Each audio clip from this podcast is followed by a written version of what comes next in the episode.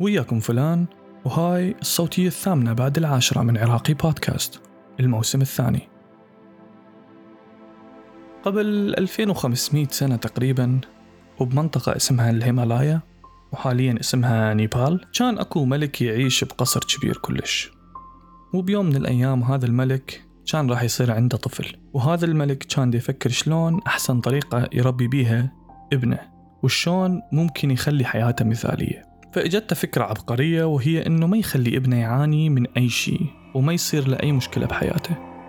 وبهيج راح يعيش بسعادة واطمئنان قرر إنه أي شيء ابنه يحتاجه هو راح يوفر له إياه بأي مكان وبأي وقت وبأي حال. الملك بنى سور كلش كبير حوالين القصر حتى يمنع ابنه من أنه يشوف الحياة خارج القصر ويتأثر بها قام يجيب له كل شيء يحتاجه أكل هدايا كل احتياجاته يجيب له إياه. ومجموعة من الخدم اللي يكونون تحت أمرته بأي وقت. ومثل ما الخطة كانت نشأ الطفل وهو جاهل بكل الأمور الروتينية اللي يمر بها الإنسان من يوم ما نوجد بهذا العالم. كل طفولة هذا الأمير مرت بهذا الشكل. وعلى الرغم من حياته الرفاهية والراحة اللي كان يعيشها صار هذا الأمير يضوج من كل شيء وكل شيء ما عجبه كل تجربة وكل شيء يصير بحياته صار ما إلى قيمة وفارغ. والمشكلة أنه مهما كان أبوه الملك يسوي له وينطيه هذا الشيء ما كان كافي وما كان مهم أصلا.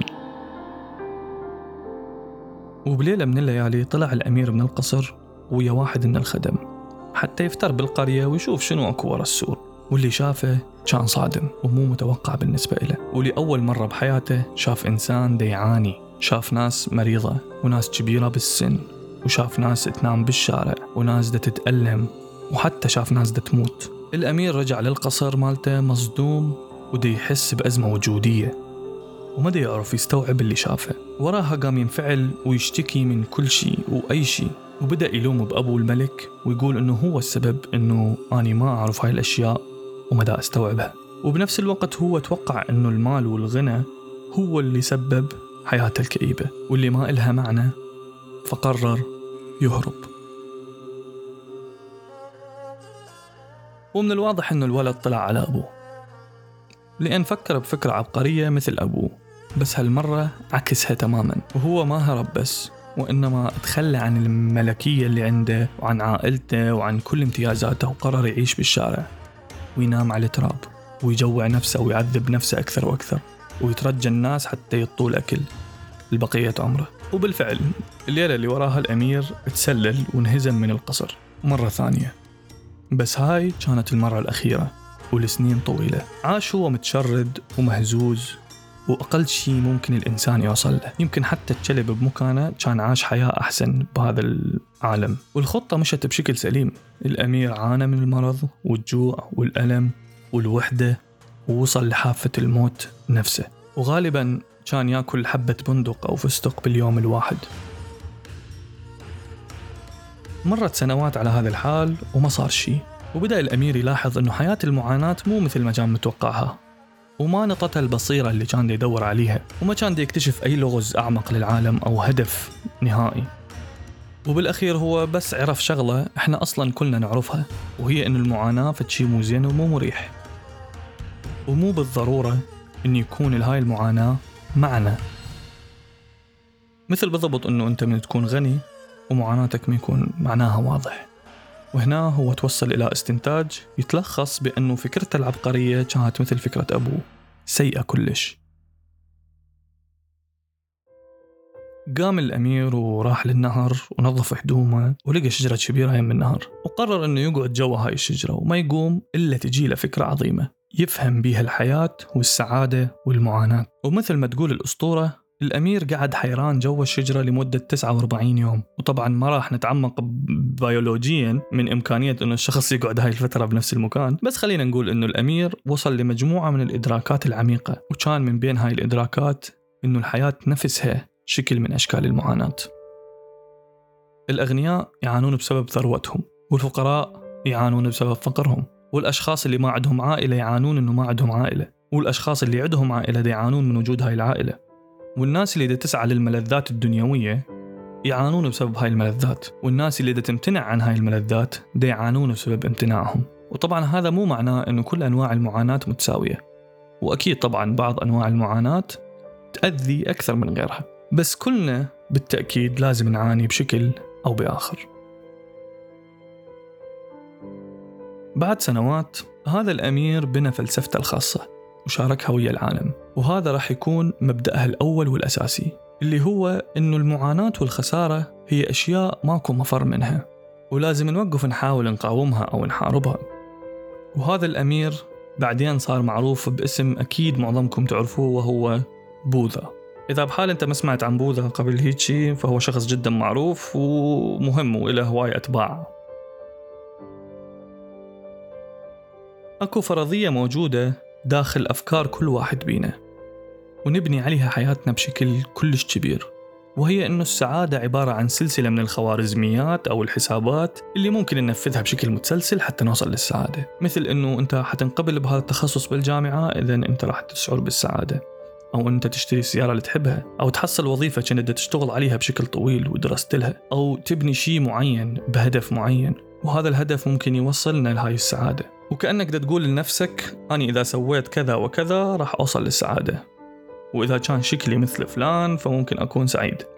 أو إذا تزوجت من الشخص هذا راح أكون سعيد. وهاي الفرضية هي المشكلة. السعادة مو معادلة نقدر نحلها. عدم الرضا وعدم الارتياح متأصلين بالطبيعة البشرية. الكاتب مارك مانسون يقول إذا راح أخترع superhero أو بطل خارق فراح يكون دب الباندا وراح يكون اسمه باندا خيبات الأمل وراح يكون لابس قناع شكله كلش غبي ويجي وهذا البطل الخارق راح تكون قوته هي إنه يقول للناس حقيقتهم الحقيقة المرة والحادة عن نفسهم اللي يحتاجون يسمعوها بس ما يريدون يتقبلوها. وهذا البطل الخارق يروح يدق أبواب بيوت الناس ويقول للشخص اللي فتح الباب مثلا مثلا إنك تسوي فلوس هواي هذا راح يخليك تحس إحساس جيد بس ما راح يخلي أطفالك يحبوك. أو مثلا يقول إذا أنت دا تسأل نفسك إذا واثق من زوجتك فحب أقول لك لا توثق بها. أو مثلا يقول الصداقات اللي دا تسويها أنت ويا الناس حاليا ويا اللي حواليك مو لأن أنت تحبهم وإنما تريد تبهرهم. وبعدين هذا الدب ورا ما يقول لك هاي المنقولة حيقول لك تصبح على خير ويروح يدق باب راح يكون الموضوع كلش حلو ومتعب وحزين وحمل كبير. ونحتاجه بنفس الوقت. بالأخير أعظم حقيقة بالحياة هي الأصعب إنك تعرفها أو تسمعها. ولهذا باندا خيبات الأمل هو البطل الخارق اللي ما حد بينا يريده. بس كلنا نحتاجه. هو راح يكون الأكل الصحي الوحيد اللي بنظامنا الغذائي السيء. هو اللي حيخلي حياتنا أفضل بس راح يخلينا نحس إحساس سيء. وهو اللي حيكسرنا بس يخلينا أقوى. هو اللي يضوي مستقبلنا من يطفي الأضوية على هواي أشياء. راح يكون استماعك لهذا البطل الخارق مثل الفرجة على فيلم يموت البطل بالأخير. أنت تكون حبيت الفيلم مع أنه النهاية كانت مأساوية ومزعجة. بس واقعية. أنا اليوم حاب أحط قناع هذا القناع مال الباندا باندا خيبات الأمل. وراح أقول لك على حقيقة ما راح تعجبك. كلنا دنعاني لسبب بسيط وهي أنه المعاناة مفيدة. لأن هي وكيل الطبيعة المفضل اللي راح ينطيك الإلهام للتغيير. كلنا تطورنا حتى نعيش بدرجة معينة من عدم الرضا وعدم الأمان. لأن الإنسان اللي غير راضي وغير آمن إلى حد ما هو اللي راح يبذل كل مجهوده حتى يبتكر شيء يخليه راضي وسعيد واللي بقيه عايش. لأن إحنا دائما جاهزين إنه ما نكون راضيين عن كل اللي عندنا. وعبالنا إنه ما راح نكتفي غير لما نوصل للأشياء اللي مو عندنا. وهذا الاستياء المستمر راح يبقي البشر يتقاتلون ويبنون ويسعون ويغزون. ولهذا أنا أقول لك لا مو الاستياء والألم هو السر وراء تطور الإنسان وإنما هو مستقبل الإنسان. الألم بجميع أشكاله هو أكثر الوسائل فعالية بتحفيز الإنسان للشغل والعمل. خليني أنطيك مثال بسيط. من تكون دا تمشي بالبيت أو بأي مكان وإصبع رجلك الصغير ينضرب بحافة الطاولة مثلا. إذا أنت مثلي أني راح تقوم تقمز بمكانك وتفشر بكل أنواع الفشار اللي تعرفها واللي ما تعرفها ومن المحتمل أنك تلوم الجمادات اللي هي ممكن تقول شنو هالطاولة الغبية؟ أو ممكن تروح الأبعد من هيك وتبدأ تشكك بفلسفة تصميم المكان وتقول منو الزملاء اللي حاط هاي الطاولة هنا؟ وشنو هالتصميم الغبي؟ وليش حاطيها بالطريق بس هذا الألم السخيف اللي صار لك وصار لي موجود لسبب مهم. الألم الجسدي هو نتيجة رد فعل نظامنا العصبي وهو يشتغل على إنك تحس بهذا الشيء. وبنفس الوقت هذا الألم راح ينطيك إحساس بوجودك؟ وشلون تتحرك؟ وشنو الأشياء اللي تقدر تلمسها واللي ما تقدر تلمسها؟ وش وقت تتجاوز هاي الحدود؟ وشنو هي حدودك أصلا؟ وهيج نظامنا العصبي راح يعاقبنا بشكل أو بآخر حتى ننتبه بالمستقبل. وهذا الألم مفيد بقد ما هو مكروه. وهو اللي راح يعلمنا إذا كنا صغار أو مهملين أو لا أبالين. ويساعدنا إنه يبين شنو الزين إلنا وبالمقابل شنو السيء. هذا الألم راح يساعدنا نفهم شنو اللي عندنا وشنو حدودنا اللي لازم نلتزم بيها. ويعلمنا مثلا إنه ما نلزم الطاوة وهي حارة مثلا أو ما نحط مسمار بالبلك مال الكهرباء. لذلك مو من المفيد دائما تجنب الألم والبحث عن المتعة. لأن الألم ببعض الأحيان يكون مهم بمسألة حياة أو موت. الألم مو شي جسدي بس وإنما نفسي. وبالواقع هواي أبحاث وجدت أنه أدمغتنا ما تسجل. فرق كبير بين الألم الجسدي والألم النفسي. لذلك إذا أقول لك فراقي عن اللي حبيتها مثلا كان عبالك سكينة دخلت بصدري وما تخليني أتنفس.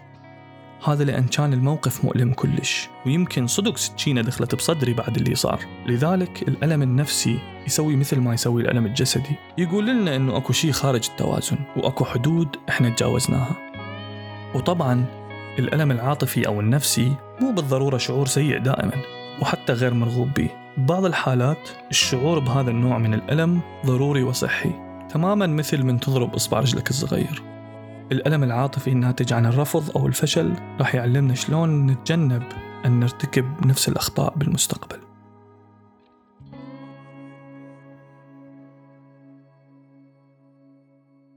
وأخيرا أحب أشكركم على متابعة بودكاست عراقي بأي مكان انتو بيه بالعالم. اليوم صرنا عشر آلاف متابع على الإنستغرام وألف متابع على اليوتيوب و300 متابع على الساوند كلاود و142 ألف استماع على كل المنصات والمواقع. شكرا لكم جميعا على حسن الاستماع والمتابعة.